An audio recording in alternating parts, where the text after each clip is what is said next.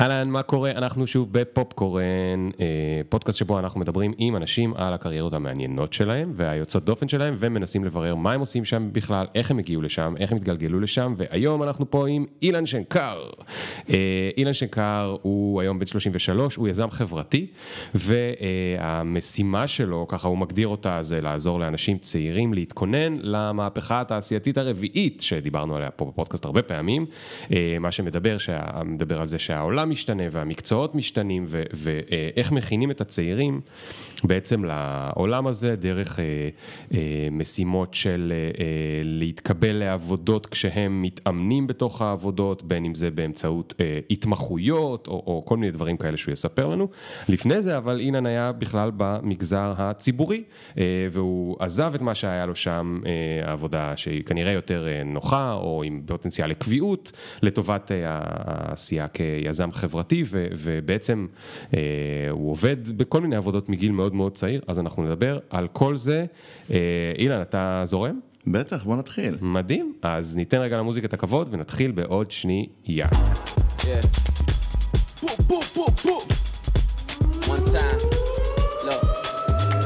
ring the alarm. Hot ass nigga, yeah. big ass head so my dreams get bigger. Yeah. Make campaign strong so my flows get sicker. Yeah. Confidence bigger than a drunk ass nigga. Look, I'ma work graveyard ליאור, בוא נתחיל בשאלה קטנה.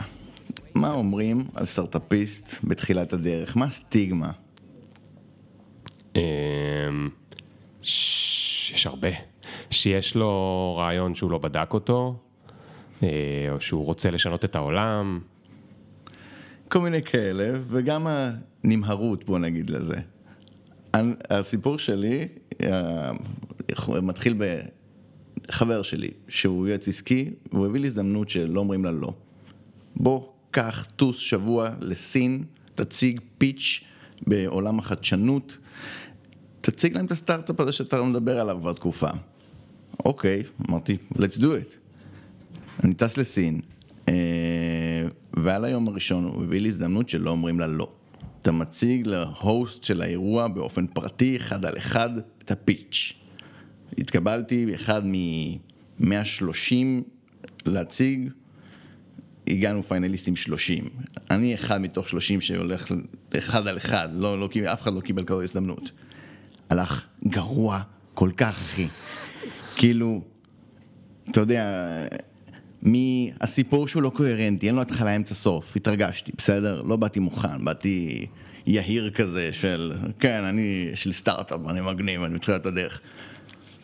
אין סיפור טוב, אני מבלבל את המוח על פיצ'רים ופיצ'רים ופיצ'רים כמו כל יזם טכנולוגי.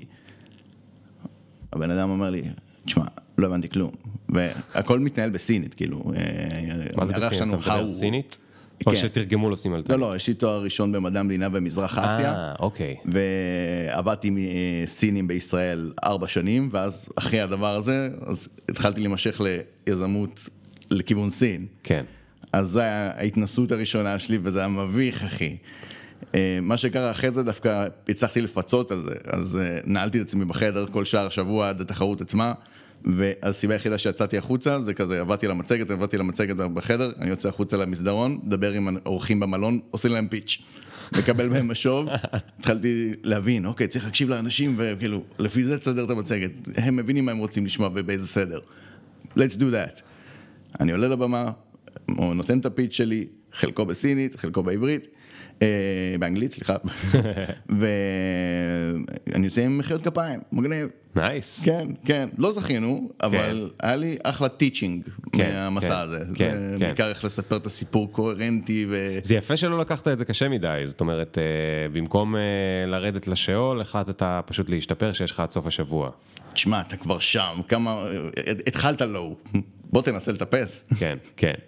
אז אה, אילן, תגיד, סיפרת לי שהעבודה הראשונה שלך הייתה בגיל 14, מה היא הייתה?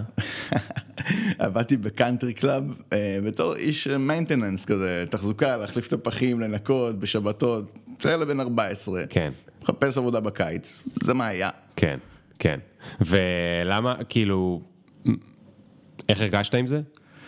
אה, יש איזה יום כזה מאוד ספציפי שזכור לי, גרמו לנו לעבוד בלילה, והרגשתי כאילו אישית מנוצל קצת, כאילו, וואו, לא השקעתם עליי יותר מדי הכשרה פה, לא למדתי יותר מדי דברים, אני סתם כאילו cheap labor force. לא בא לי להיות זה.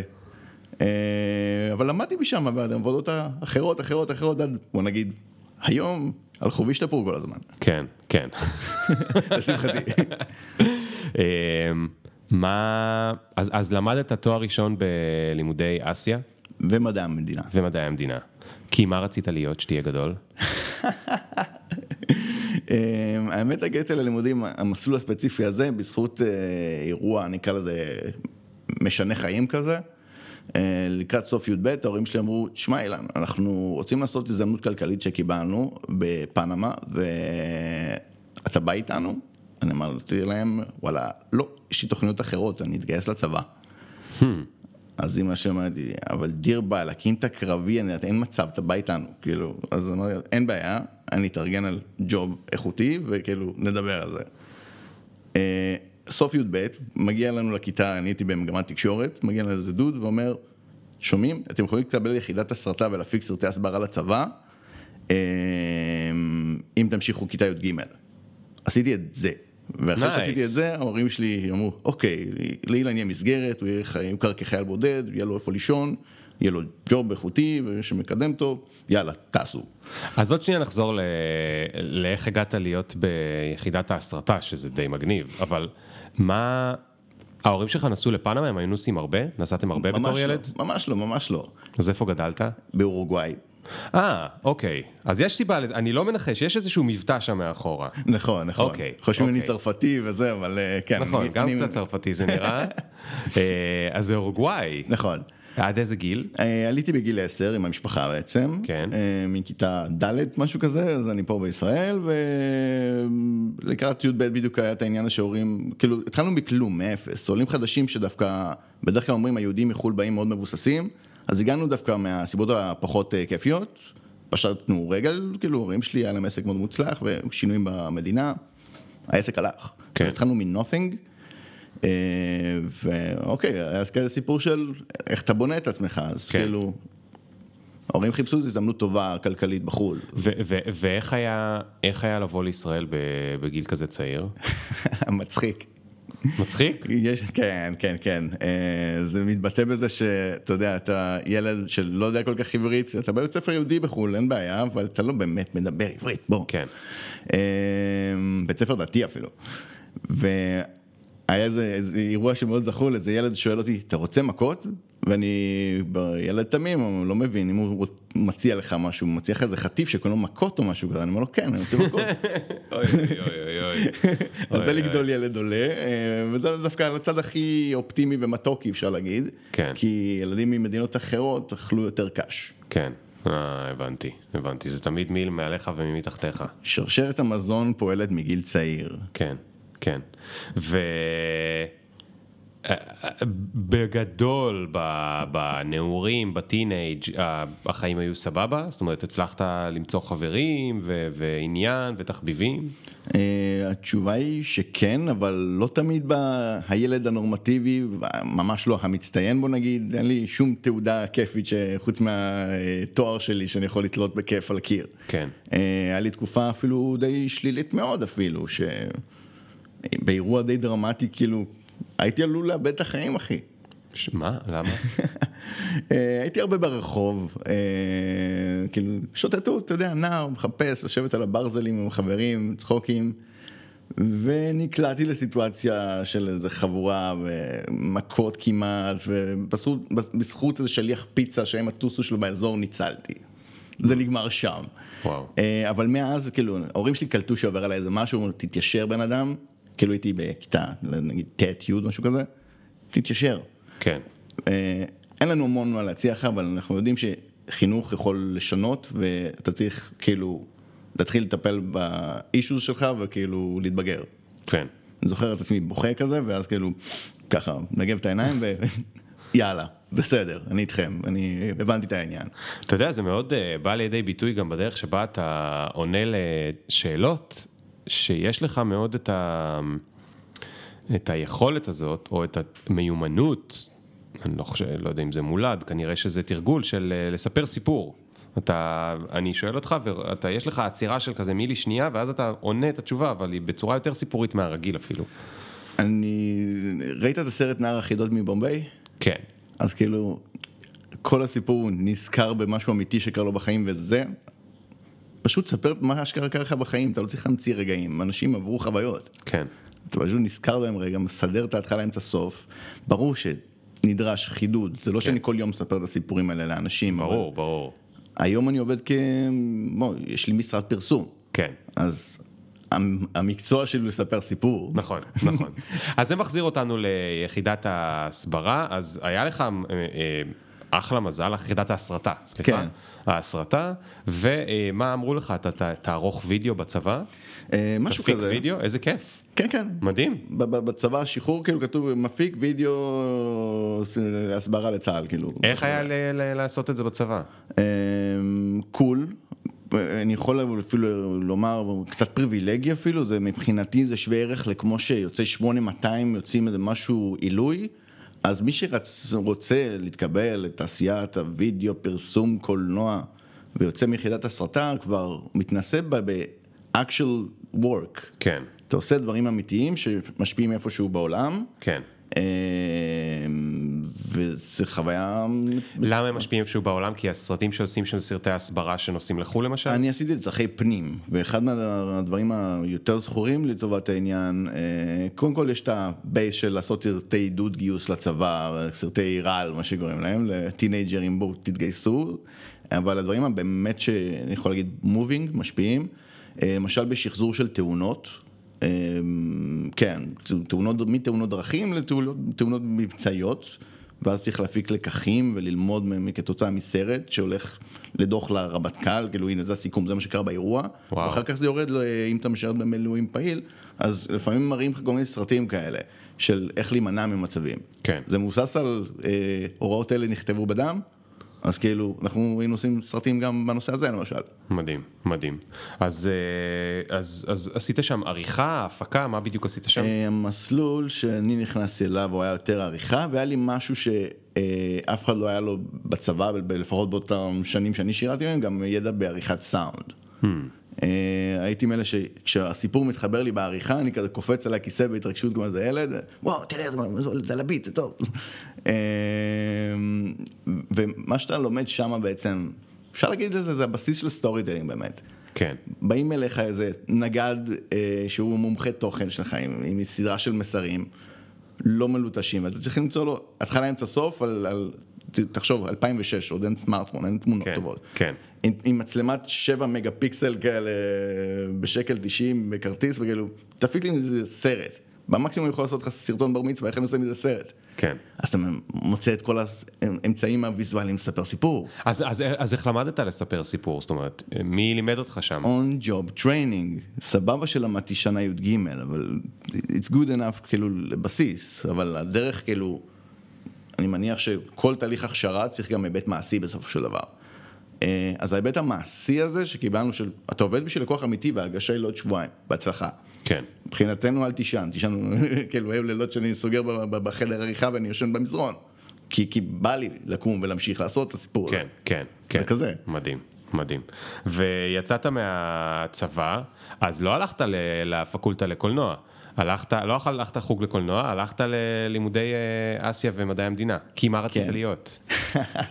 אז החייל בודד הזה אה, שבי אה, אמר לי, תייצג נאמנה את ישראל. רצית להיות שגריר. כן. למה זה מצחיק אותך כל כך? כאילו, אתה ילד מושתל בן 21, משתחרר מהצבא, מה עכשיו שגריר? אתה יודע מה צריך לעבור בשביל להיות הכשרה אמיתית של שגריר? שבע שנים של התמחות עד שאתה מוצב במקום אמיתי בעולם. כן. כאילו... מה בוא, זה מקום אמיתי ומה קורה בינתיים, איפה אתה מוצב? אה, לא נכנסתי לזה כי לא נתקבלתי בכלל, אה, אוקיי, לא, אוקיי. לא, לא הלכתי לשם. כן. הלימודים דווקא הביאו אותי לכיוון פרקטי אחר וסופר מעניין, של אה, להבין לוקאלי. התאהבתי בלוקאלי דווקא. Mm. אה, והתחנה הראשונה שלי שהייתה, אני בוגר אה, קרן אייסף, שמתעסקים בפיתוח של מנהיגות חברתית, מה שקוראים לו פריפריה חברתית גיאוגרפית. כן. אה, אז אני קיבלתי מהם מלגת לימודים, ובזכותם קיבלתי את התחנה הראשונה שכנראה מאוד מגדירה מה אני עושה היום גם. אה, נכנסתי לשנה של התמחות ב, אה, בשלטון המקומי. זה היה תוך כדי הלימודים? כן, אוקיי. שנה ב' שלי, אוקיי. או ג', וואו, לא זוכר כל כך. באמצע התואר? באמצע התואר אני נכנס בעצם למרכז לשלטון מקומי, שזה האיגוד של כל הערים והרשויות המקומיות בישראל, אה, לתחום של חינוך וחברה. ושם אני פתאום לומד על עניין של שותפויות רב מגזריות, שזו מילה אולטרה בומבסטית. כן, אז מה היא אומרת בתכלס? בתכלס זה אומר איך אנחנו בתור אה, אה, גופים ציבוריים יכולים לשתף פעולה עם עמותות, עם, של החברה האזרחית, עם גופים פרטיים, ואיך אה, לעשות common good. Hmm. על סמך אינטרסים שותפים, כל העולם מבוסס על אינטרסים בסופו של דבר. כן. שאלה איפה הם נפגשים ואנחנו יכולים להועיל עם רווחת האזרח שם, כן. לטובת העניין. אז אני רוצה שנייה לקחת אותך למטה של הדבר, כי אתה, אתה כבר זרקת את הביטוי on the job training, ולא סתם, אנחנו נעשה ספוילר, עד סוף הפרק אתה תספר איך אתה מעסיק היום בני נוער כדי לעשות להם on the job training, כדי שהם יוכלו למצוא עבודה יותר אה, אה, משמעותית וכיפית בחיים שלהם. אבל עכשיו אתה מספר שבחרה בך קרן, נתנה לך מלגה, קרן שמנהיגות, קרן חברתית שרוצה שיהיו בישראל יותר אנשים אה, במגזר הציבורי, שיש להם יכולות מנהיגותיות והם מבינים איך הדברים עובדים. ועכשיו הקרן הזו באה ושמה אותך אה, במרכז של אה, רשויות ועמותות וצריך לשתף פעולה. עכשיו, מי שקצת מכיר את המגזר הציבורי או את האזורים האלה יודע שיש שם המון המון המון המון בירוקרטיה, קשיים, חיכוכים, אגו, אה, תפקידים שניתנים לאו דווקא מהסיבות הנכונות וכולי. והשאלה שלי זה עד כמה כשאתה היית שם בתוכנית הזאת, זה היה רק השקפים היפים של בואו תהיו מנהיגים, ועד כמה באמת יצא לך לאכול את החרא של ה... שה... שהדברים לא מתחברים סתם כי יש אנשים ששמים מקלות בגל... בגלגלים. אז אה, ישראל נמדדת בעיקר בחירום שלה, בוא נגיד, ונפל בחלקי, אה, עלה בידי, ההזדמנ... ההזדמנות הזו של אה, אה, להתמודד עם מצב חירום. היה איזה איזשהו מבצע צבאי, לא זוכר, 2012-2013, לא יודע אם הזיכרון שלך לוקח אני לא זוכר את השם המבצע. כן. אה, אבל צריך לפנות ולייצר פעילות לילדים ונוער ולהוציא אותם מעוטף עזה החוצה אה, ולמצוא אה, אוטובוסים שישנו אלפים של אנשים לפעילות של הפגת מתח. כן. וכאילו אנחנו פתאום שינינו את כל הפאזה של הניירות עמדה הנחמדים שלנו ולתאם עוד ועדה ועוד דיבור על משהו וכאילו הכל בצד ואוקיי אנחנו עכשיו חמ"ל ואנחנו מארגנים אוטובוסים לאלפי אנשים ש- ש- לעשות להם פעילות הפוגה. כן. אז עברתם מאסטרטגיים לאופרטיביים. כן, וזה כאילו קרה פעם, אתה מתחיל את היום וזה ככה. כן, אז מה, מה פתאום, מה עשית? אה, אה, אה, כאילו, מצאת משחקי שש-בש והפקת, מה? לא, זה לארגן נהגי אוטובוסים שעשו את זה בהתנדבות כאילו, ולהתחשבן איתם אחר כך, אבל כאילו, אתה כן. מרים טלפון, יש לך כן. רשימה של 100 ספקי אוטובוסים. מאיפה אתה יכול לאסוף אותם ולאן? ו- ושם שיתפו פעולה? כן. המגזר הציבורי עושה המון דברים נהדרים שאף אחד לא שומע עליהם. זה החטא הכי גדול שלהם. זה למה כל אה, אזרח חושב שהמדינה תמיד באה לרעתו. אה, גם, המדינה גם יש לה אינטרס שונה מאלו של האזרחים. אה, לא תמיד יש לך חפיפה מלאה. כן. אבל יש פעמים, בעיקר לפחות בתחום שאני מכיר בשלטון המקומי, האינטרסים הרבה פעמים חופפים. אה, ורווחת האזרח, כאילו, זה משהו שהתושב הפשוט לא מבין כמה עושים בשבילו. אז מה אתה אומר, יש להם בעיה בשיווק. כן. הם לא יודעים ליחצן את הדברים הטובים שהם עושים. בינגו. הבנתי. הבנתי. אז, אז, אז אוקיי, אז היית שם שנה תוך כדי הלימודים, ו, ועדיין חשבת שאתה רוצה להיות במגזר הציבורי. כן. כן, ולא. אוקיי. כן ולא. היו לך ספקות כבר במהלך הלימודים? כן. Hmm. אני לא מאלו, לעומת נגיד אחי שהוא גאון על, הוא מגיל ארבע ידע שהוא רוצה ללמוד תכנות, והיום הוא אדריכל תוכנה. רוב, רובנו לא נולדים כאלה. אנחנו פשוט כמו פלנקטון, סוחבים כזה בים, אין לך זימים, אתה לא יכול לנווט. הגלים לוקחים אותך, אנחנו זורמים. כן. אז אני הייתי מהזורמים. אה, ורק באמת יכול להגיד לך, לאחרונה, סוף סוף הבנתי מה אני עושה. כן, כן. אוקיי, אז, אז, אז סיימת את הלימודים ומה הלכת לעשות? אמ, אז תמיד הייתי את ה... הביטחון הכלכלי שלי היה כזה, במקום שאני צריך למלצר איפשהו, יכלתי לערוך ולצלם דברים קטנים on the fly. אז, אז זה העבודה הלא רצינית שלי, ותמיד חיפשתי עבודה של גדולים. כן. אמ, התחנה המקצועית הראשונה המשמעותית, אני יכול להגיד לך, היה בארגון עובדים דווקא. ושם זה בא לי בול בפוני, הנושא של איך לחבר את השפה הסינית שלמדתי אמ, למגזר ציבורי. מה, איזה ארגון, על מה מדובר? אה, מדובר בהסתדרות הלאומית, אה, זה ארגון העובדים השני בגודלו בארץ, מסתבר יש שלושה, אפילו ארבעה ארגונים כאלה. אה, כולם שומעים ההסתדרות, ההסתדרות, ההסתדרות, אז יש ההסתדרות כל מיני, כן. יש המון הסתדרויות. כן. הסתדרות המורים, הסתדרות הלאומית. למשל, כן. והם בעצם פונים לאגד עובדים באשר הם. כן. ושוב, עלה בידי האופציה של להרים תחום שנותן שירות לעובדים זרים. שחיים בישראל, וספציפית שדוברי סינית. רגע, עצור. אתה רוצה להגיד לי שההסתדרות קיבלה לתוכה גם עובדים זרים? בטח. אני בשוק. מבחינת דיני עבודה בישראל, אז uh, עובדים זרים הם בעלי זכויות לכל דבר. ומותר להם גם להתארגן. בטח. מדהים. זה, אתה יודע. חופש העיסוק, וזה זה, זה כאילו, אם אין חוקה בישראל ממש ברורה, אז כאילו יש לך זכויות יסוד שתיים כאלה, זה אחד מהם. כן. חופש ההתאגדות, וזה לא משנה כאילו מי אתה. כן. אוקיי, אז, אז, אז אמרו, אתה מבין uh, סינית, אז אתה תעזור, אתה תעזור לנו לקחת את ה... לפנות לשוק של הדוברי סינית, כדי שיצטרפו להסתדרות. בינגו. כן. ולמה ההסתדרות רוצה את זה? למה היא רוצה עובדים זרים? כלכלה של אה, כל ארגון עובדים מבוססת על ה... אינטרסנטית, על דמי החבר שהוא ישלם בסופו של דבר. כן. הארגון עובדים כארגון מבטיח לתת לך איזה סל שירותים. אה, מהטבות, ולמשל כולם מכירים כרטיס חבר ודברים כאלה, שזה דברים מאוד סופט, אה, דרך הכשרות והשתלמויות מקצועיות. אה, ועד להסכם קיבוצי, שבסופו של דבר חתיכת נייר שאומרת, אם אני לא מסוגל להתמקח לבד, אז אני פלוס עוד אלף אנשים עם, עם גב של ארגון עובדים, נדע לסגור חוזה שיהיה כולל אני לכולם. הבנתי, אוקיי. ואיך, וכמה חופש היה לך שם? ענק. זאת אומרת, אמרו לך פשוט, תביא, תביא את הדוברי סינית, תעשה מה שאתה רוצה? אנחנו נביא לך את התשתית התיאורטית, אנחנו מבינים שאתה לא עורך דין, אין לך ידע בדיני עבודה, את זה תלמד מאיתנו. למדתי. אחלה. Uh, התחנה הבאה, אבל, איך למצוא אותם, uh, איך לפנות אליהם. בהצלחה חביבי, לך לאתרי בנייה, לא יודע, כן. זה מה שעשיתי. למרות שהיית ג'וניור, זאת אומרת, היית, זה היה התפקיד הראשון שלך אחרי הלימודים. אני לא יודע אם הם ציפו להצלחה. כאילו... באתי וניסיתי my best. כן, הם אמרו, מה יש להפסיד? בסדר, הבחור הזה יודע סינית, ניתן לו זה. אז הלכת לאתרי בנייה? כן. הלכת לאתרי בנייה? בטח. איפה? אתה רואה כל מנוף, יש אתר בנייה, אתה הולך, אתה רואה מישהו שחזות מה, מהעשייה, ואתה מבין שכאילו...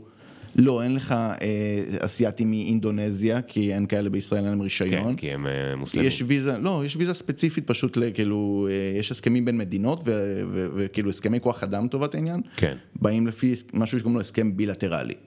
שממשלה א' מסכימה שממשלה אה, ב' תקלוט עובדים אה, מתחומה ותיתן להם תנאים א', ב' וג'. כן. אז הצגתי את העובדים האלה, צירפתי אותם להסתדרות. מה, אבל מה, באת לאתר בנייה, אז כאילו זה ממש, זה כמו סרט כאילו אה, בריטי מתקופת אה, עובדי הרכבות. אתה באת לאתר בנייה, וסליחה שאני אומר, אתה באת לאתר בנייה והגעת עם תיק כזה עם מלא מסמכים, ואמרת להם, חבר'ה, תקשיבו, אני מייצג את ההתאחדות וזה וזה, הם לא הסתכלו עליך בעין כזאת של מה אתה מנסה לעבוד עלינו, מה אתה מנסה לעשות לנו, כאילו הם לא חשדו שאתה רוצה, אתה יודע. זה הרי, זה מפחיד אותם, הם לא במקום הרגיל שלהם, הם לא ב... איך, איך קנית אותם? איך קניתי אותם? אתה לא קונה אותם, אתה רוכש את אמונם ובדם, אה, יזע ודמעות, כי הסיני, הישראלי יותר יותר קל לו לסמוך, כי אחי, סמוך עליי, יהיה בסדר. הסיני, אה אה, הוא חשדן קודם כל, תנסה לעשות עסקים עם סיני, קשה מאוד, קשה מאוד, אתה צריך לשבת, לאכול איתם צהריים. או ערב, אני הייתי מגיע אליהם לאתרים לקראת סוף המשמרת שלהם. יושבים לאכול, קשקשים. הפעמים הראשונות שלי, גם אני, לא, אין לי סינית יותר מדי טובה. למדתי לייצר את המבטא. Mm-hmm. אני היום מדבר כמו סינית כמו דרומי, עם פוג'יין וג'נג סו. כאילו, יש לי מבטא קצת אחר מהסינדית שמלמדים באוניברסיטה. איך זה נשמע? אתה יכול להגיד משהו בסינית? ש... נגיד, אה, אני שואל אותך, צ'ופן למה? צ'ופן למה זה כאילו, אכלת כבר? אה, ואם אני עכשיו מבטא דרומי, אני אומר לך, סופן למה? וזה זה, זה נשמע אחרת, לא יודע אם, איך זה נשמע כן. לישראלי הדבר הזה, אבל זה אחר, זה אחר, ואז האתגר הוא לצבור את האמון איתם וללמוד לדבר את השפה תוך כדי, אז בהתחלה אני עם אפליקציה של מילון ואומר להם למה אני מתכוון, ואנחנו מצליחים להגיע לשיח, ועם הזמן, חודשים עוברים, אני מתחיל לצבור את האמון, ואנשים מתחילים לחתום ולשמוע, עזרתי לעובד ההוא עם הבעיה עם המעסיק שלו, עם הקבלן. אז השני גם פונה, והחבר מביא חבר. אה, התחלת גם להתערב ולעזור להם בכל מיני... זאת העבודה. אה, הבנתי. לא, חשבתי שהעבודה שלך הייתה רק להחתים אותם לאיגוד. לא, אבל מה, מה הטעם בזה? רק ניירת, זהו, בירוקרטיה? אה, תגיד אתה, תגיד אתה. תמיד יש היבט של שטח. לפעמים הוא באיכות כזאת, טובה או לא טובה, טעון שיפור, בסדר, ויש איזה פונקציה של שירות. Hmm. אז אני בן אדם אחד שאחראי אה, בפוטנציאל לאלפי אנשים. איך אפשר? כמה אתה יכול להספיק. בדיוק. כן. ועדיין, עוד פעם, בתוך חלקת אלוהים שלך, אתה מכיר אנשים, מתרחב, כאילו, הדבר הזה קורה. איפה בארץ זה היה בעיקר? ישראל.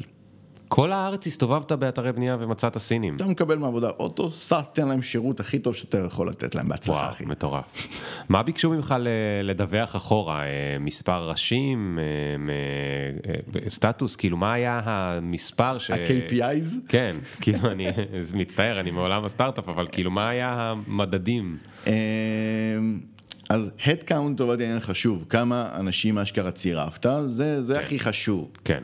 פר מעסיק, פר קבלן, whatever. אה, אבל בנוסף אתה מדווח גם שירות, מה נתת להם? וכאילו, אתה מסתכל רטרו, כאילו, בדיווחים שלך, ואתה אומר, וואו, לא רק פתרת בעיות של מאות אלפי שקלים לעובדים, אה, מיליונים אפילו בחלק מהמקרים, אתה פותר להם גם דברים של חיים, הדרכת בטיחות. Hmm. אה, יש את כל הנושא של עובדי בניין שנופלים. כן. אז נתנו מענה לסיפור הזה.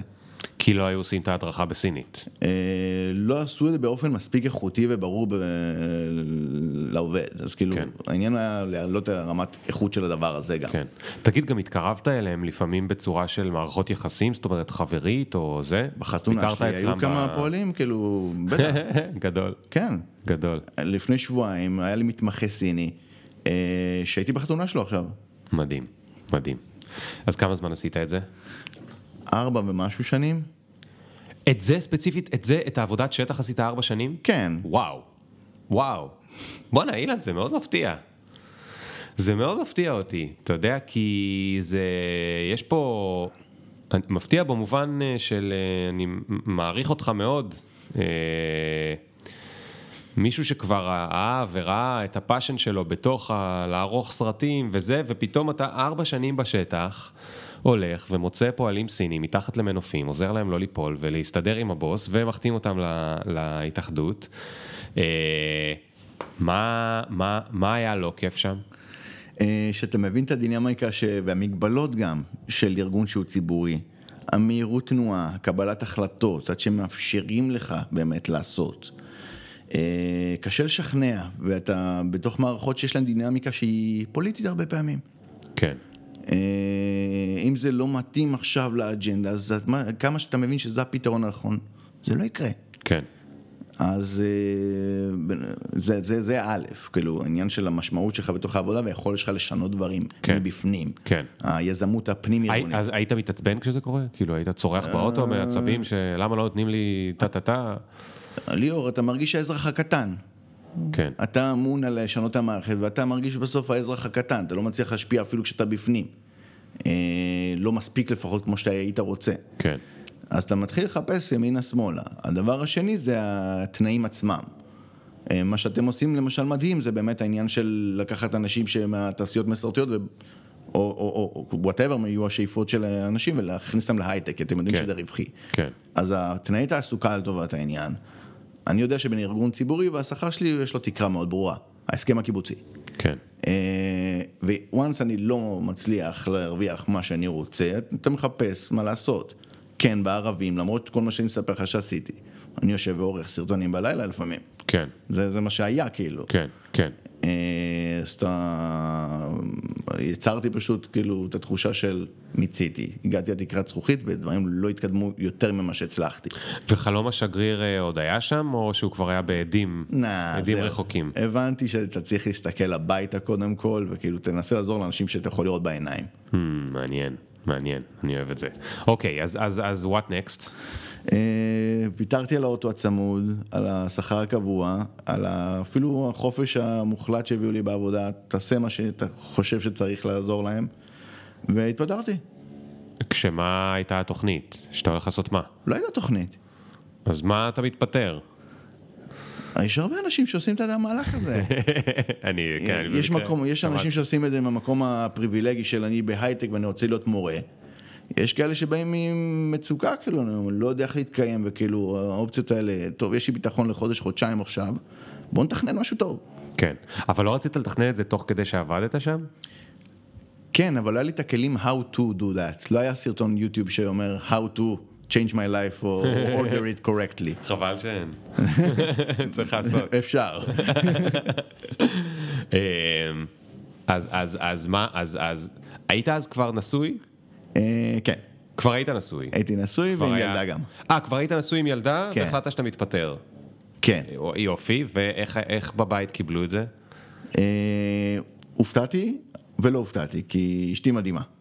יש לה, היא כאילו מאחוריי ב- באמת מה שצריך. אה, אז קיבלתי גיבוי, ואילן, אתה יודע מה נכון לך, תעשה את מה שאתה צריך. וואלה. אז מה עכשיו? אז עכשיו אתה קם בבוקר, כבר אין עבודה ללכת, ואתה, אוקיי, אז בבוקר הראשון אתה מתלהב, ואיזה יופי, נבנה משהו וזה וזה, בוא נדבר רגע על הבוקר הרביעי. הבוקר הרביעי, אתה מתעורר, ועכשיו אני כבר ארבעה ימים בלי עבודה, מה יהיה? נכון, נכון. אה, אצלי זה אף פעם לא היה עם ואקום, כן? אה, תמיד היה לי הרי את העסק הקטן רשום בצד והייתי עושה את העריכות. כן, אז הלכתי לדבר הנוח שנמצא מול הפרצוף שלי. כן. אוקיי, בוא ננסה לפתח את הדבר הזה עוד פעם. אז uh, עבדתי עם שותף, משהו כמו שנתיים, וניסיתי לעשות חברת הפקות של סרטים. אוקיי, skill wise, זה היה בסדר. עשינו סרטים, לקוחות שילמו, איך. השגתם לקוחות? אה, פייסבוק, גוגל קצת, פה לאוזן קשרים. אה, משהו טוב שאתה מקבל במגזר הציבורי ולעשות עשייה חברתית, שאתה people person במהות שלך. אתה כן. מדבר עם אנשים, הביז דב הזה מוטמע בך, אתה מדבר עם אנשים, מפתח יחסים, אמון, קל לפתוח דלת. אה, קל יחסית, כן? כן. והסיפור הזה עבד, אבל מבחינתי לא היה לו מספיק משמעות. כאילו להיות ספק שירות זה לא שאיפת אף אחד. אתה רוצה לעשות משהו שאתה קם איתו בבוקר וכאילו אתה לא רוצה להרגיש שאתה בעבודה. כן.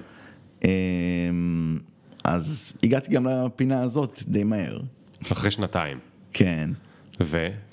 אמ, השותפות הזאת התפרקה, התפרקה בטוב אפילו, חשוב לומר באמת, כאילו גם כששותפות מסתיימת, שותפות עסקית, חשוב גם לדעת לסיים אותה באופן חברי. כן. אה, אז גם זה קרה. ונשארתי עם חברה שאני צריך עכשיו לדעת להרים אותה, ואני מתחיל מאפס עוד פעם. ושם כבר, באתי כבר יותר בוגר למהלך. הבנתי שאני צריך להתפתח באפס ולהפסיק לבקש מאנשים להחזיק את היד. בוא תנווט בן אדם, פעם אחת בחיים שלך, מההתחלה עד הסוף. לא מבין מה אמרת. לא מבין מה. תסביר לי יותר טוב. מה זה, למה אתה מתכוון להחזיק ביד ולמה אתה, מת- מי מנווט את מי ומאיזו סיבה? יפה, זה חשוב. באמת חשוב להדגיש כאן את הנושא הזה. אה, העניין הוא בערך כזה, כשאתה הולך למהלך יזמי, אתה כן. בעיקר מפחד, כי אין לך ידע וכלים. נכון. אה, והרבה פעמים אתה מחפש את התשובה אצל אחרים. לפ- לפעמים אתה לוקח יועץ ומשלם לו וזה נגמר. לפעמים, מתוך חשש וכל הדבר הזה, אתה לוקח עוד מישהו שיקח איתך את הסיכון ביחד. כן, עוד שותף. לא בהכרח כי אתה באמת זקוק לו, אלא בעיקר יותר כי אתה מפחד לעשות את זה לבד. כן. אה, אז לזה התכוונתי. וואנס אתה מבין שבעצם אתה לא צריך שאף אחד יחזיק לך את היד, הדבר הבא הוא שאתה צריך כלים וידע איך לעשות את זה כנכון. כן. פה אתם הגעתם אגב, ג'ולט? ג'ולט. מה, למדת בג'ולט? כן. אה, לא ידעתי. איזה למד-? למדתי ב-Not NBA plan. אה, בעצם עכשיו אני מבין, עכשיו אני מבין איך קרה כל הקישור. כן. זה מאימייל שאלי שלח לי, אני בכלל לא ראיתי את החלק של ה... נחמד, אוקיי, אוקיי, אוקיי, אז חיפשת את הכלים ואת הזה, והגעת לג'ולט ללמוד את ה-Not an MBA, את נכון, הנמבה. בדיוק, אוקיי. שהמטרה שלי הייתה בתור עסק עצמאי ללמוד כלים של לנהל ולהפסיק רק לדעת לעבוד מקצועי, כי יש שני שרירים שאתה מפעיל כבעל עסק. כן. את השריר של אתה יודע את המקצוע, כן. ויש את השריר שאין לרובנו איך לנהל עסק. נכון, נכון. אה, מה ה mindset הנכון, איך לנהל תקציב, איך אה, לעשות תהליכים של אסטרטגיה, של שיווק, איך אה, לנהל את התוכן שלך. איזה מגניב. אז כל- הלכת לשיעורים שעניינו אותך בכל התחומים האלה. בדיוק. ו, ו, איך היה לך? אה, היה סופר מגניב, עד שהגיעה קורונה. אני, אני מהלומדים שחייב את האינטראקציה החברתית. אה, אהבת את הקמפוסים. כן. כן, כן, אני מבין אותך, אני מבין אותך, זה. המשכתי ללמוד גם זה יותר- במהלך הקורונה, כן. אבל עם להיות אבא ולנסות ללמוד אחרי שאתה שם את הילדה לישון. כאילו, חלק מהשיעורים הייתי, אני עם אוזניות והילדה שלי ישנה לידי. כן. וכאילו, אז אני מנסה ללמוד, ואז כאילו, טוב, זה לא, ולא באמת מצליח להתרכז. כן. אה, אבל קיבלתי באמת אחלה של כלים. איזה כיף, איזה כיף לשמוע. ו... ו... אה, אוקיי, אז אתה כבר לומד איך לנווט, ומה התוכנית לעשות מה? עוד פעם עסק בתחום הוידאו? פה אני כבר בשלב יותר בוגר בחיים, אני אומר לעצמי, אם כבר כל הקלפים אצלי וההחלטה היא אצלי, אני צריך לעשות את המהלך המתבקש של לחבר את החברתי עם העסקי. אוקיי. רווח לצד רווחה. אוקיי. אתה לא יכול להיות רק עסק שעושה רווח, כי זה לא ממלא אותך. כסף לא עושה שמח. הוא כאילו מנת דופמין שיורדת מהר. אה, רווחה לעומת זאת, היא מגיעה ל-level של stable, אבל לא peak גבוה. Mm. אז אם יש לך רווח ורווחה, אתה חי גבוה.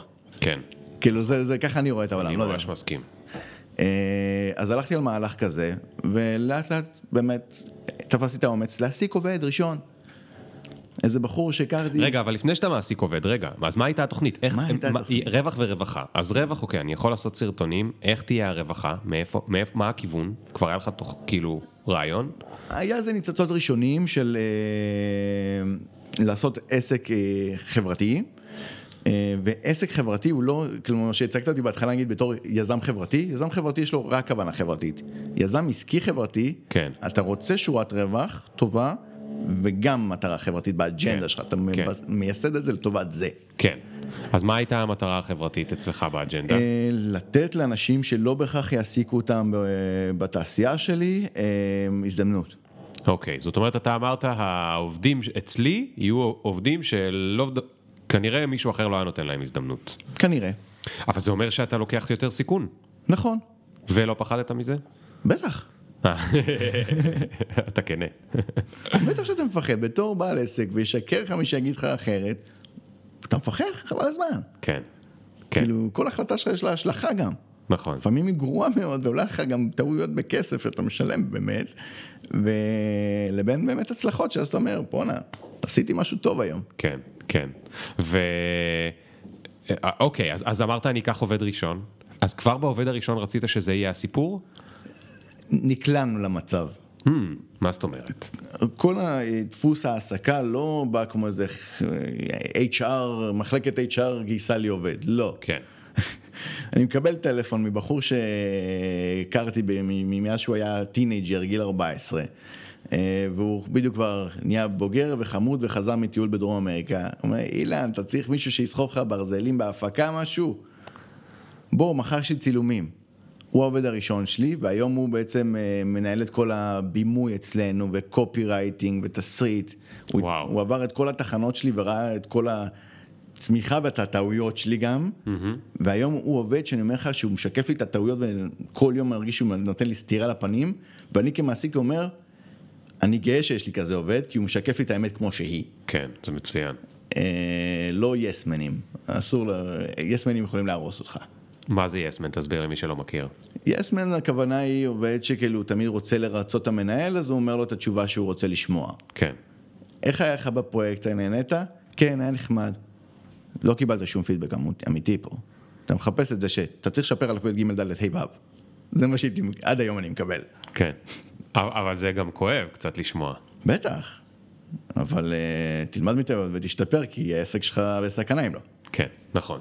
אוקיי, אז, אז, אז הוא היה הראשון. כן. ו- ו- ו- ומה אז? אז עכשיו כבר הייתם, אה, אתה ועוד אה, מישהו יותר אה, ג'וניור. כן. התחלת להשיג חוזים, לקוחות, סרטים, נכון. ומתי הגיעו עוד עובדים? הקפיצה המשמעותית יותר, אפשר להגיד, שקיבלתי הזדמנות, גיליתי שיש עיריית חולון פרסמה מכרז, מיזם תעסוקה אה, לבני נוער, בתחום הצילום, ספציפי Mm. מאוד. מכרז. מכרז. זאת אומרת, הם חיפשו מישהו שיעסיק בני נוער בתחום הצילום. נכון. איך מצאת את זה?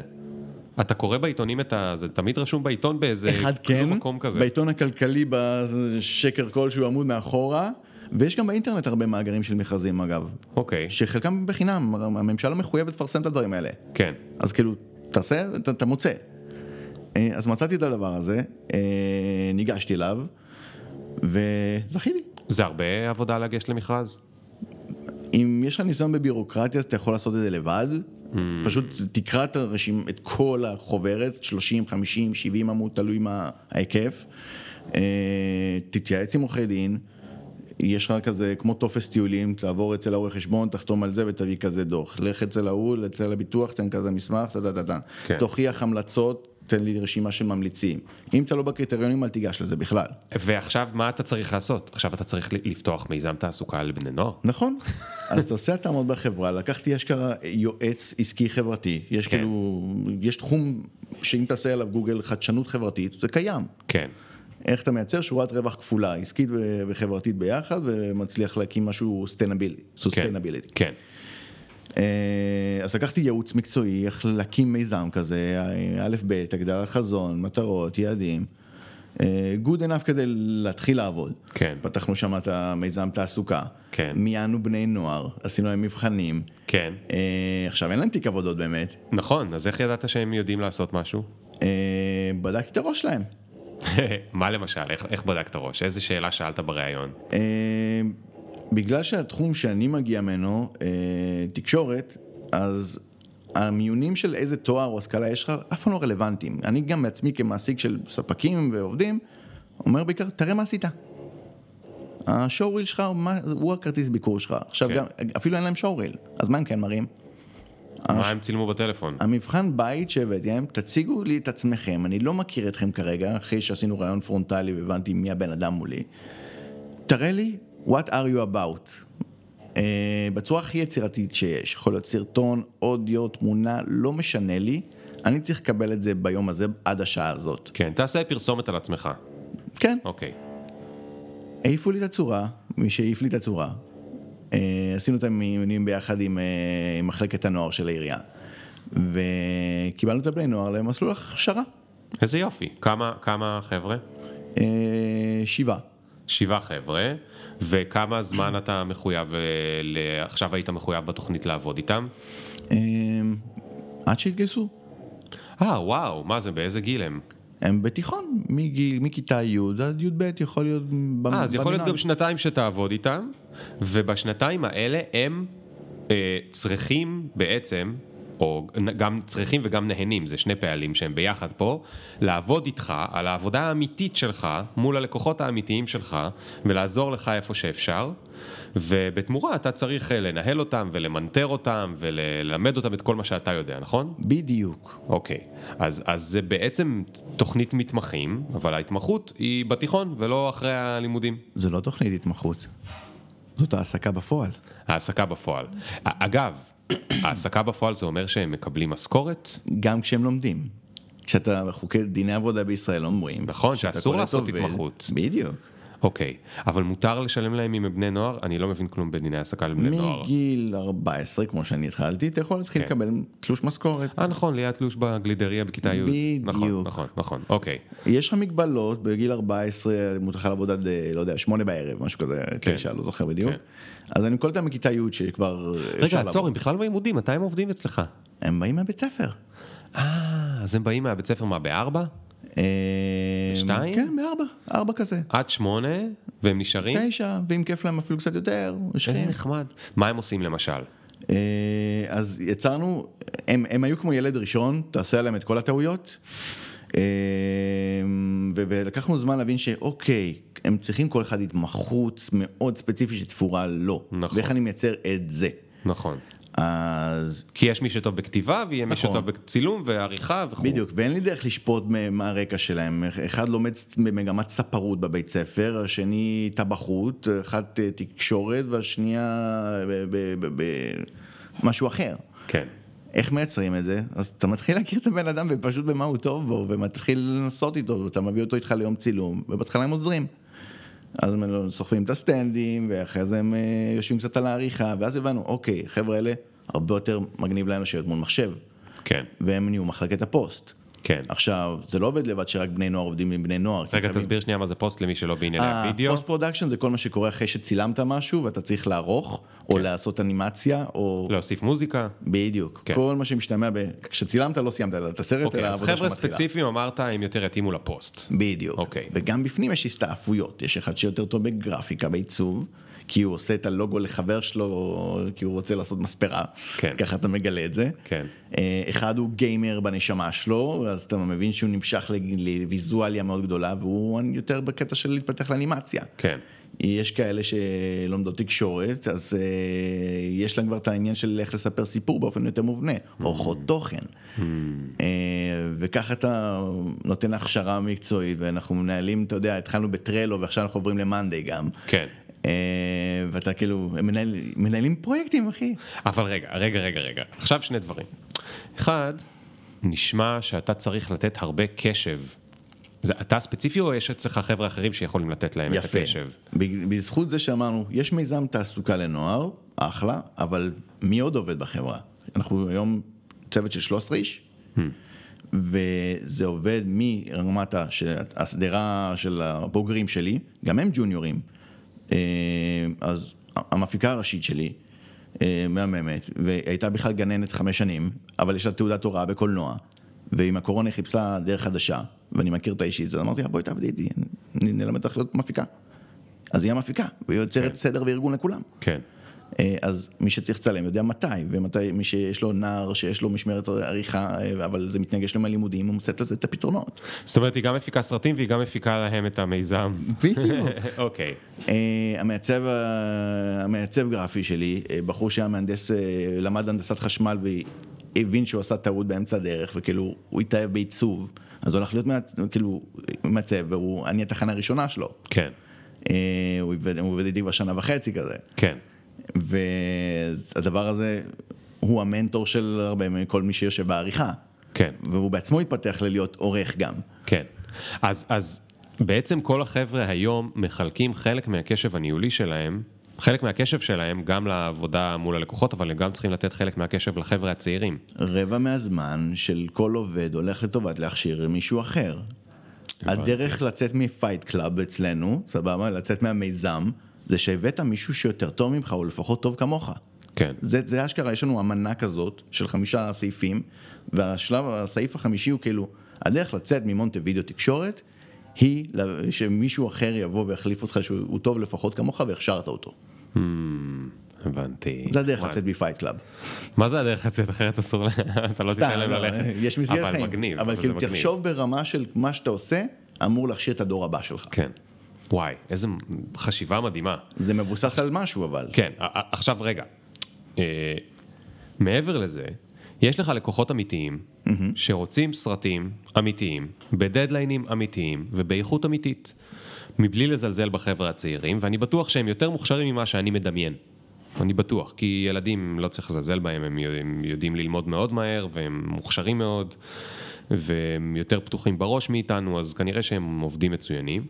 אבל עדיין, יכול להיות שהמרחק בין מה שבסוף התוצר שהם עשו למה שאתה מוכן לתת ללקוח שלך, יכול להיות שיש שם עדיין בין 30 ל-70 אחוז רווח, שצריך כאילו ללכת אחרי זה ולתקן להם או לעשות על זה. או... איך אתה מתמודד עם זה? זאת אומרת, אתה לא צריך לעשות אחר כך הכל עוד פעם, או... או, או... תראה, אתה מבין מה אני שואל? בטח, בטח, בטח. זה, אה, שאלה אגב לא רק עם בני נוער, זו שאלה כללית על עבודה עם ג'וניורים. נכון. השאלה היא מי צריך ג'וניורים ולמי זה טוב. לא, ארגון שהוא כבר established, אה, לפעמים הוא צריך את הבן אדם שכבר אתה מכניס אותו ויודע מחר בבוקר מה לעשות. אבל תחשוב שאתה סטארט-אפ, ואני מסתכל על עצמי בפועל, למרות שיש לי משרד פרסום, אני מסתכל על כסטארט-אפ של משרד פרסום, כי זה איך לעשות משרד פרסום בחוקים של המאה ה-21. כן. אה, ואז אני שואל question everything, ואני מבין שיש לי היום עלות שקוראים לה עלות חברתית. המחיר של להפעיל מיזם תעסוקה הוא שהתוצר בהתחלה לא ברמה מספקת go to market. כן. אז המחיר החברתי שאני משלם זה הזמן הכשרה והזמן שהצוות שלי ואני גם יושבים אחרי זה ומתקנים. ולמה? כי הלקוח בסוף רוצה לשלם על משהו טוב, זה הוא לא בדיוק, יתפשר, כן, בדיוק, הוא לא בדיוק. יתפשר, ואנחנו לא נשחרר משהו לא טוב. כן, ולא אכפת לו שעכשיו אתה החלטת להעסיק אה, בני נוער. אולי, אולי הוא נח- נחמד לו, אבל זה לא הדבר שהוא רצה. זה מתחלק, יש ארגונים שיש להם כזה אחריות תאגידית, אנחנו מבינים שבא לנו לעבוד עם, עם ספק יש לו אג'נדה חברתית וזה אחלה, זה לא מעניין את כולם, כן. יש כאלה שתן לי את התוצר שלי למתי שאמרתי וזהו, כן. וזה בסדר גמור, לא, אין פה judging, אסור לשפוט על העניין הזה, כל אחד יש לו את העניין, ואת הפניות לחשוב על משהו. כן. אה, אז במובן הזה, כשאני צריך עכשיו להגיש משהו בסטנדרט גבוה, בתקציב שהביאו לי לעבוד איתו, אה, כי זה תמיד מבוסס פרויקט, אה, בעיקר שנגיד מדובר בווידאו, יש לו התחלה וסוף מאוד ברורים. אז אין בעיה. אם. ה- בגלל שהעבודה שלי היא תהליכית, כשאתה בונה סרט אתה לא ישר מגיע מ-0 ל-100. אתה מתחיל עם בריף נורמלי, מבין בדיוק מה החזון, מטרות ויעדים של הלקוח, מה המצב שלו עכשיו, לאן הוא רוצה להגיע. once הבנו את זה, אז זה עובר לקופירייטר, והוא אומר, אוקיי, זה הבריף, בוא נתחיל לעשות תחקיר, נלמד בהשקעה את החברה שלו, מה הוא עושה. תסריט מסודר, סבבה. אם זה עוסק בנוער וצעירים, יש לי קבוצת מיקוד של בני נוער לשאול על זה, אשכרה. כן. אה, אם זה צעירים, אז כאילו הגיל הממוצע שלנו במשרד הוא 22, אני הכי מבוגר במשרד. אז כאילו אם הפרויקט עוסק בצעירים, אז יש לי יתרון סופר יחסי. אם הוא עוסק בעולם של סין, אז יש לי מה לתרום ברמה אישית. אוקיי, אז אתה גם פונה לנישות שאתה כאילו שולט שאני בהן. יודע בהם, אני לא אקח משהו שבכלל לא מבין בו. כן. אה, מגזר ציבורי זה bread and butter, כאילו, זה, זה הכי נוח לי וכיף לי לעבוד עם ארגון שאני יודע בול מה הסוג בעיות שלו. כן, כן. אה, אז אחרי שהתסריט הזה מוכן ומובן והכל, יוצאים לצלם. אה, אם אה, הצוות שלי הוא בעיקר ג'וניורים נוער, אז אני, הצלם שלי יהיה אולטרה מיומן. אני אפילו אשלם לפעמים לספק חיצוני שיבוא וייתן מנטורינג כאילו on the set. אה, אנחנו פשוט נבקש המון, כאילו בגלל שאנחנו מפיקים הכל מאלף עד תף, אז אני יודע שיש לי את הפריבילגיה לבוא בשש בבוקר, להתחיל הקמות כדי לעמוד ברקורד בשעה 12 בצהריים. כן, כן. ואז יש לי את הזמן להתנסות ולבדוק שהכל יהיה פונקט. וזה בסוף, אני אראה לך עבודות בסוף אם אתה רוצה, בסוף התוצר נראה טוב ולקוחות מרוצים. כן, אני לא אוהב כן. לדבר על עצמי, אז כאילו אני פשוט מראה, קח תראה. כן. זה מה שאני כן. יודע לעשות. תגיד, מה, מה למדת על הבני נוער אמ, שהפתיע אותך או ריגש אותך? יש משפט של קופי אנאן אה, שאומר כזה, have trust in young people, give them a chance and they will surprise you. אני אף פעם לא ראיתי את עצמי כאיש חינוך. היום אני מבין שמה שאני עושה, למרות שזה תוך כדי עבודה בזמן עסק, שהוא עובד עם timeline אמיתי, אני מתעסק בחינוך בסוף. איך לקחת את המוחות המבריקים של בני הנוער וגם של הצעירים שעובדים אצלי, אה, צעירים כלומר אחרי צבא, ואיך לתת להם הזדמנויות יותר טובות ממה שאני קיבלתי. כי אני עשיתי, לי לקח עשור פלוס להגיע לתובנות האלה. כן. אני רוצה לקצר להם את הדרך. כי, כי, כי למה? למה זה חשוב? כן. אני חוזר אליך, ליאור. אתה פרסמת לפני יותר משנה סרטון, שאתה עשית אמל"ק כזה, זה קיצור של אה, דוח. מפורום פורום הכלכלה, פורום- פורום הבנק העולמי. אה, אוקיי, אני יודע איזה וידאו. בדיוק. כן, של הדוח שהם הוציאו על, אה, על המהפכה התעשייתית הרביעית, ואיך השתנו המיומנויות שצריך וכולי וכולי. נכון. הדבר הזה blown my mind. ואני זוכר הייתי בבאבל דן ואני מסתכל בסרטון הזה באוזניות כאילו ואני וואו, יש כאן סיפור ענק. כן. הסיפור כאן הוא, הוא, הוא לא רק להעסיק אותם לשם העסקה ולתת להם תיק עבודות נחמד שיעבדו, יש כאן נרטיב שהוא עולמי. כן. כאילו, כאילו, ה-UN, האומות המאוחדות, אומרות ש-Creative Skills, אם אנשים יהיה להם כישורים יצירתיים, כוונה לפתור בעיות מורכבות, לביקורת, עבודת צוות, אז הם יהיו חסינים לזה שרובוטים ייקחו להם את העבודה, בינה מלאכותית תיקח להם את העבודה, כן. שיוכלו להסתגל לשינויים יותר טוב, וזה מה שגם מעסיקים מחפשים היום. נכון, נכון. אז זה, מה ש... זה, זה המהות שלי בסופו של דבר, אני צריך לתת לחבר'ה שעובדים אצלי את הכישורים האלה, כדי שהם יוכלו להיות עצמאים עוד שנתיים, שלוש, חמש, כל אחד עם היעד שלו. מדהים, מדהים, מדהים. אני חושב שאגב, אני גם, אה, אני פרסמתי את הסרטון כי uh, it blew my mind, ואגב, מאז יוצא דוח כבר כל, בהתחלה כל שנתיים ועכשיו כבר כל שנה. Uh, אני חושב שזה מטורף ואני חושב שאנשים לא יורד להם האסימון. Uh, לרוב האנשים לא יורד האסימון, ואנחנו רואים את השינויים מול העיניים שלנו כבר, אבל הרבה פעמים אנשים רואים אותם כבר מה, מהסוף להתחלה, זאת אומרת, אחרי שהם פוטרו, או אחרי שתעשייה, בקורונה ראו את זה המון, שתעשייה לא הזדרזה לשנות את עצמה, או אתה ראית במשבר הקורונה, ראית עסקים מאותו סוג, חלק מהר מאוד שינו את עצמם, חלק לא שינו את עצמם ולא שרדו, אה, והיכולת להסתגל לשינויים מהירים היא מאוד מאוד חשובה, אז אני, אני, אני מאוד מסכים. אה, תגיד, איך אתה ישן בלילה? יש לך עסק. אם אה, אמרת 13 עובדים, זה כולל את החבר'ה הצעירים או לא? כן. אוקיי, אז 13 עובדים שזה שבעה אה, בני נוער ושישה אתם, כולל אותך, אה, מקבלים משכורת אה, באופן קבוע. כן. אה, ולקוחות, וזה, וצריך תזרים מזומנים, וצריך תזרים פרויקטים לעתיד, נכון? וזה גם סרטים, זאת אומרת, זה, אני לא יודע אם יש לך ריטיינרים. אבל הם, הם, כאילו אתה יכול להגיד אם יש לך ריטיינרים, לא תמיד, לפעמים אתה יודע, מגיע לקוח, רוצה סרט, עשית לו את הסרט, אומר לך תודה רבה, ניפגש בעוד שלוש שנים, לא כל חודש. נכון. איך אתה ישן בלילה? זו שאלה לעצמאי שבכלל, האיש עסקים שבכלל. כן, מבין, מבין. אז אחד מהשינויים האחרונים ביותר שביצעתי זה החלטה בלב שלם של, נכון, אני מתבסס על פרויקטים וזה לא sustainability. אני חייב להפוך למשרד פרסום. זה בסדר שיש לי סטודיו, זה, זה יתרון יחסי. זה בסדר שיש לי שטח צילום וציוד צילום ועמדות עריכה, ויש לי צוות שכבר יודע לחשוב אסטרטגית מאוד יפה כבר, ויש לי יתרון יחסי של החבר'ה הצעירים. אני הופך למשרד פרסום, וככה אני מייצר ריטיינרים. Hmm. זאת אומרת, לוקח לקוחות שצריכים כל הזמן עוד ועוד ועוד עבודות. כמו שבצבא, היה לקוח שנקרא צבא וצה"ל וכל הזמן היה צריך אה, נכון, סרטונים. נכון, יש מישהו שתמיד צריך אה, פרסום, אה, ופרסום כבר מדבר על תוכנית שיווקית ברורה, כי מה שזיהיתי בעיית הלקוח, אתה בא ומבקש, תעשה לי סרט לעוד יומיים. רגע, אבל למה הגעת למצב כזה בכלל? כן. אין להם תוכנית שיווקית. כן. אין להם אסטרטגיה שיווקית. כן. ואז צריך לייצר להם את זה. ואז, אוקיי, אבל מי משווק אותך? איזה ילד בן 20 שהוא לא, באמת, אה, הוא עושה לי פוסטים. רגע, אבל למה הוא עושה לך פוסטים ככה? לא חשבו על זה עד הסוף. אז הבנתי שכל השרשרת ייצור, יש לה פגמים. אצל הרבה מהלקוחות, תמיד. יש לקוחות שהם יכולים לקחת אה, משרדי פרסום שהם באמת טובים, ואחלה. אה, אבל אה, אני קורא לזה, בואו כל הפצועים אליי. כל מי שחווה קושי בתהליך הזה, מתאים לי לעבוד איתו מאוד. Mm. וכאן אני רוצה להתחבר אפילו לאג'נדה של ג'ולט עצמם. אתם מסייעים לחבר'ה צעירים, בסופו של דבר, לשפר את הסיכוי שלהם להתקבל לעבודה. כן. אה, אז אני אומר כאילו, כמו שיש לקוחות שעושים דברים נפלאים שאף אחד לא שומע עליהם, יש גם עכשיו בבית אנשים שעם אה, עם הקצבה של הקורונה, אה, על האבטלה, ושואלים את עצמם, אוקיי, מה עם הקריירה שלי? כן. וכאילו, יש לכם את הפנאי ואת הרווחה הכלכלית כי משלמים לכם על הזמן הזה. תתחילו לפתח את הכישורים שלכם. כאילו, בתחנה הראשונה תרשמו לג'ולט, קבלו את הכלים המחשבתיים המטורפים שאתם מביאים. אה, ברמה השנייה, כאילו, הפרקטית, כאילו, איך אתה בונה לעצמך את התוכנית הזאת, האישית. כן. אה, ופותר בדיוק את זה, כי אתה בן אדם נפלא ומוכשר, עם כישורים שאף אחד לא שמע עליו. כן. ואיך אנחנו מוצאים את הכי טוב שבך. כן. אה, ופיתחנו איזה בדיוק שירות שעושה את זה עכשיו.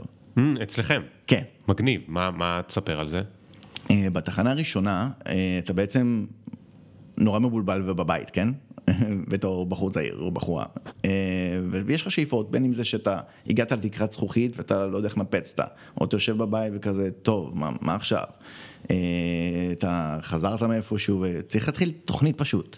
כן. אז, אתה, אני, אז לקחנו יועץ קריירה, אמיתי, לא, לא אנחנו, כי אנחנו אנשי פרסום. לקחנו יועץ קריירה ונותן לך את הבדיוק ניתוח הזה. כן. של, אוקיי, לאן אתה רוצה להגיע ברמה האישית אחרי שהכרנו את האופי שלך? התחנה הבאה זה, אוקיי, על סמך הממצאים האלה, הבריף הזה, אה, יועץ קריירה גם כן, כותב לך את הקורות חיים, אז should לסוג קריירה הזה. כן. אחרי שהקורות חיים האלה הם אה, במסמך וורד נחמד, אוקיי, בוא, בוא נציג את הפרצוף ואת הטוב שבך.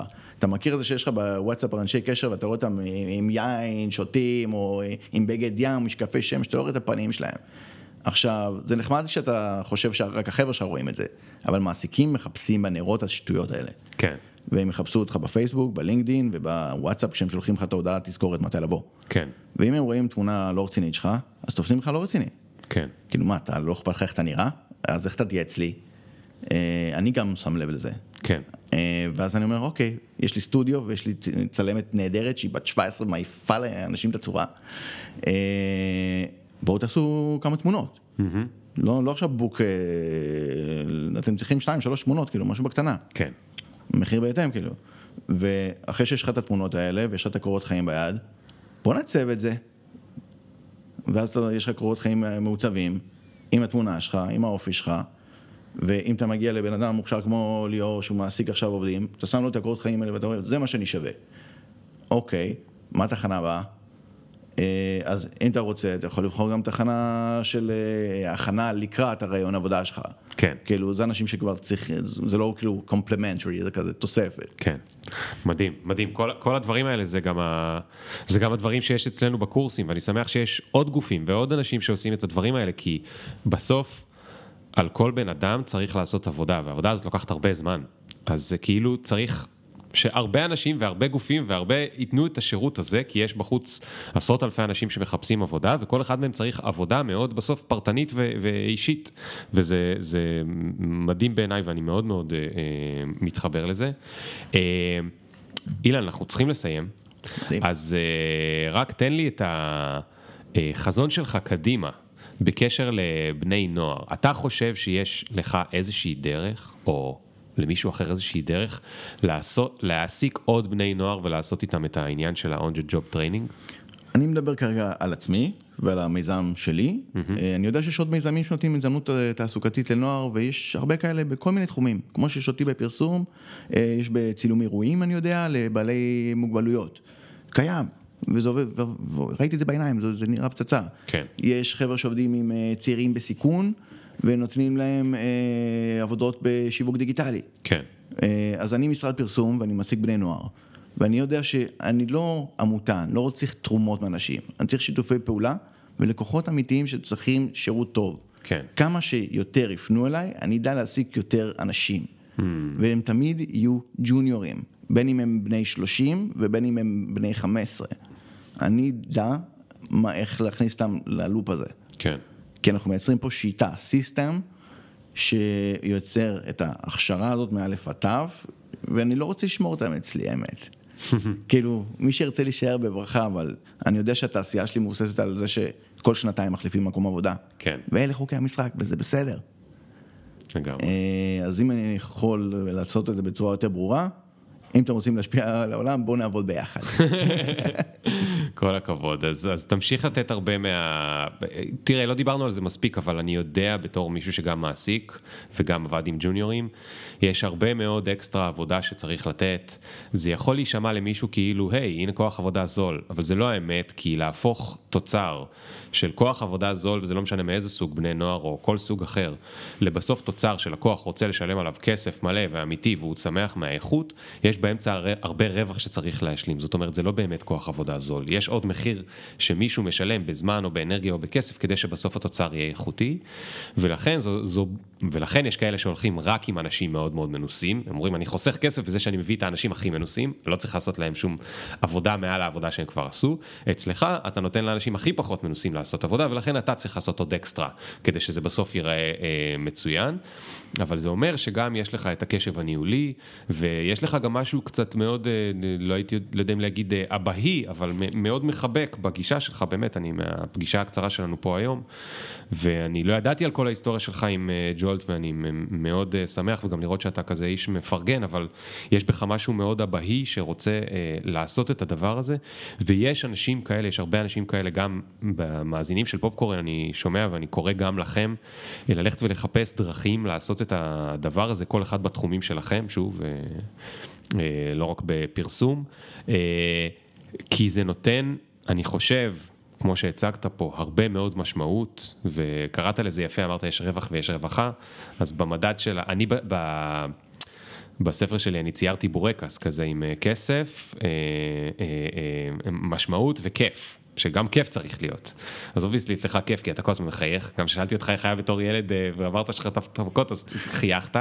אז את הכיף יש לך כנראה built in אה, זה, אבל... אה, כיף גם בעבודה. כיף גם בעבודה, בדיוק, זה מה שאני אומר. שבעבודה צריך להיות כסף ומשמעות וכיף. ומי שחסר לו קצת בצד של המשמעות, אז זה נראה לי אחלה דבר, לקחת בני נוער, זה גם כיף, זה ממלא, זה, הם מתפתחים מאוד מהר, הם לומדים מהר מאוד. זאת אומרת, במובן הכי, אני אקרא לזה קר. זה משהו ש...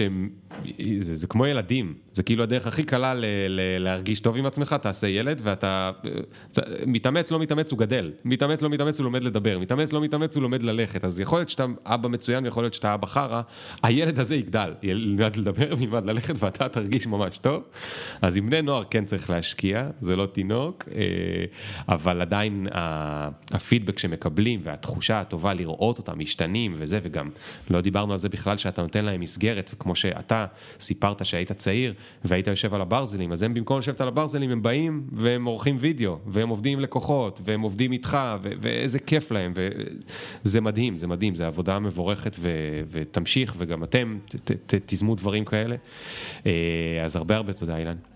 תודה רבה לך. היה לי מאוד מאוד כיף. אה, וזהו, יאללה חבר'ה, פופקורן, אני אגיד כמו בסוף כל פרק בעשרה האחרונים, אנחנו מתקדמים לכיוון פרק המאתיים, אני לא יודע מה יהיה בפרק המאתיים, אף אחד לא יודע מה יהיה בפרק המאתיים, ניפגש בפרק המאתיים, ביי!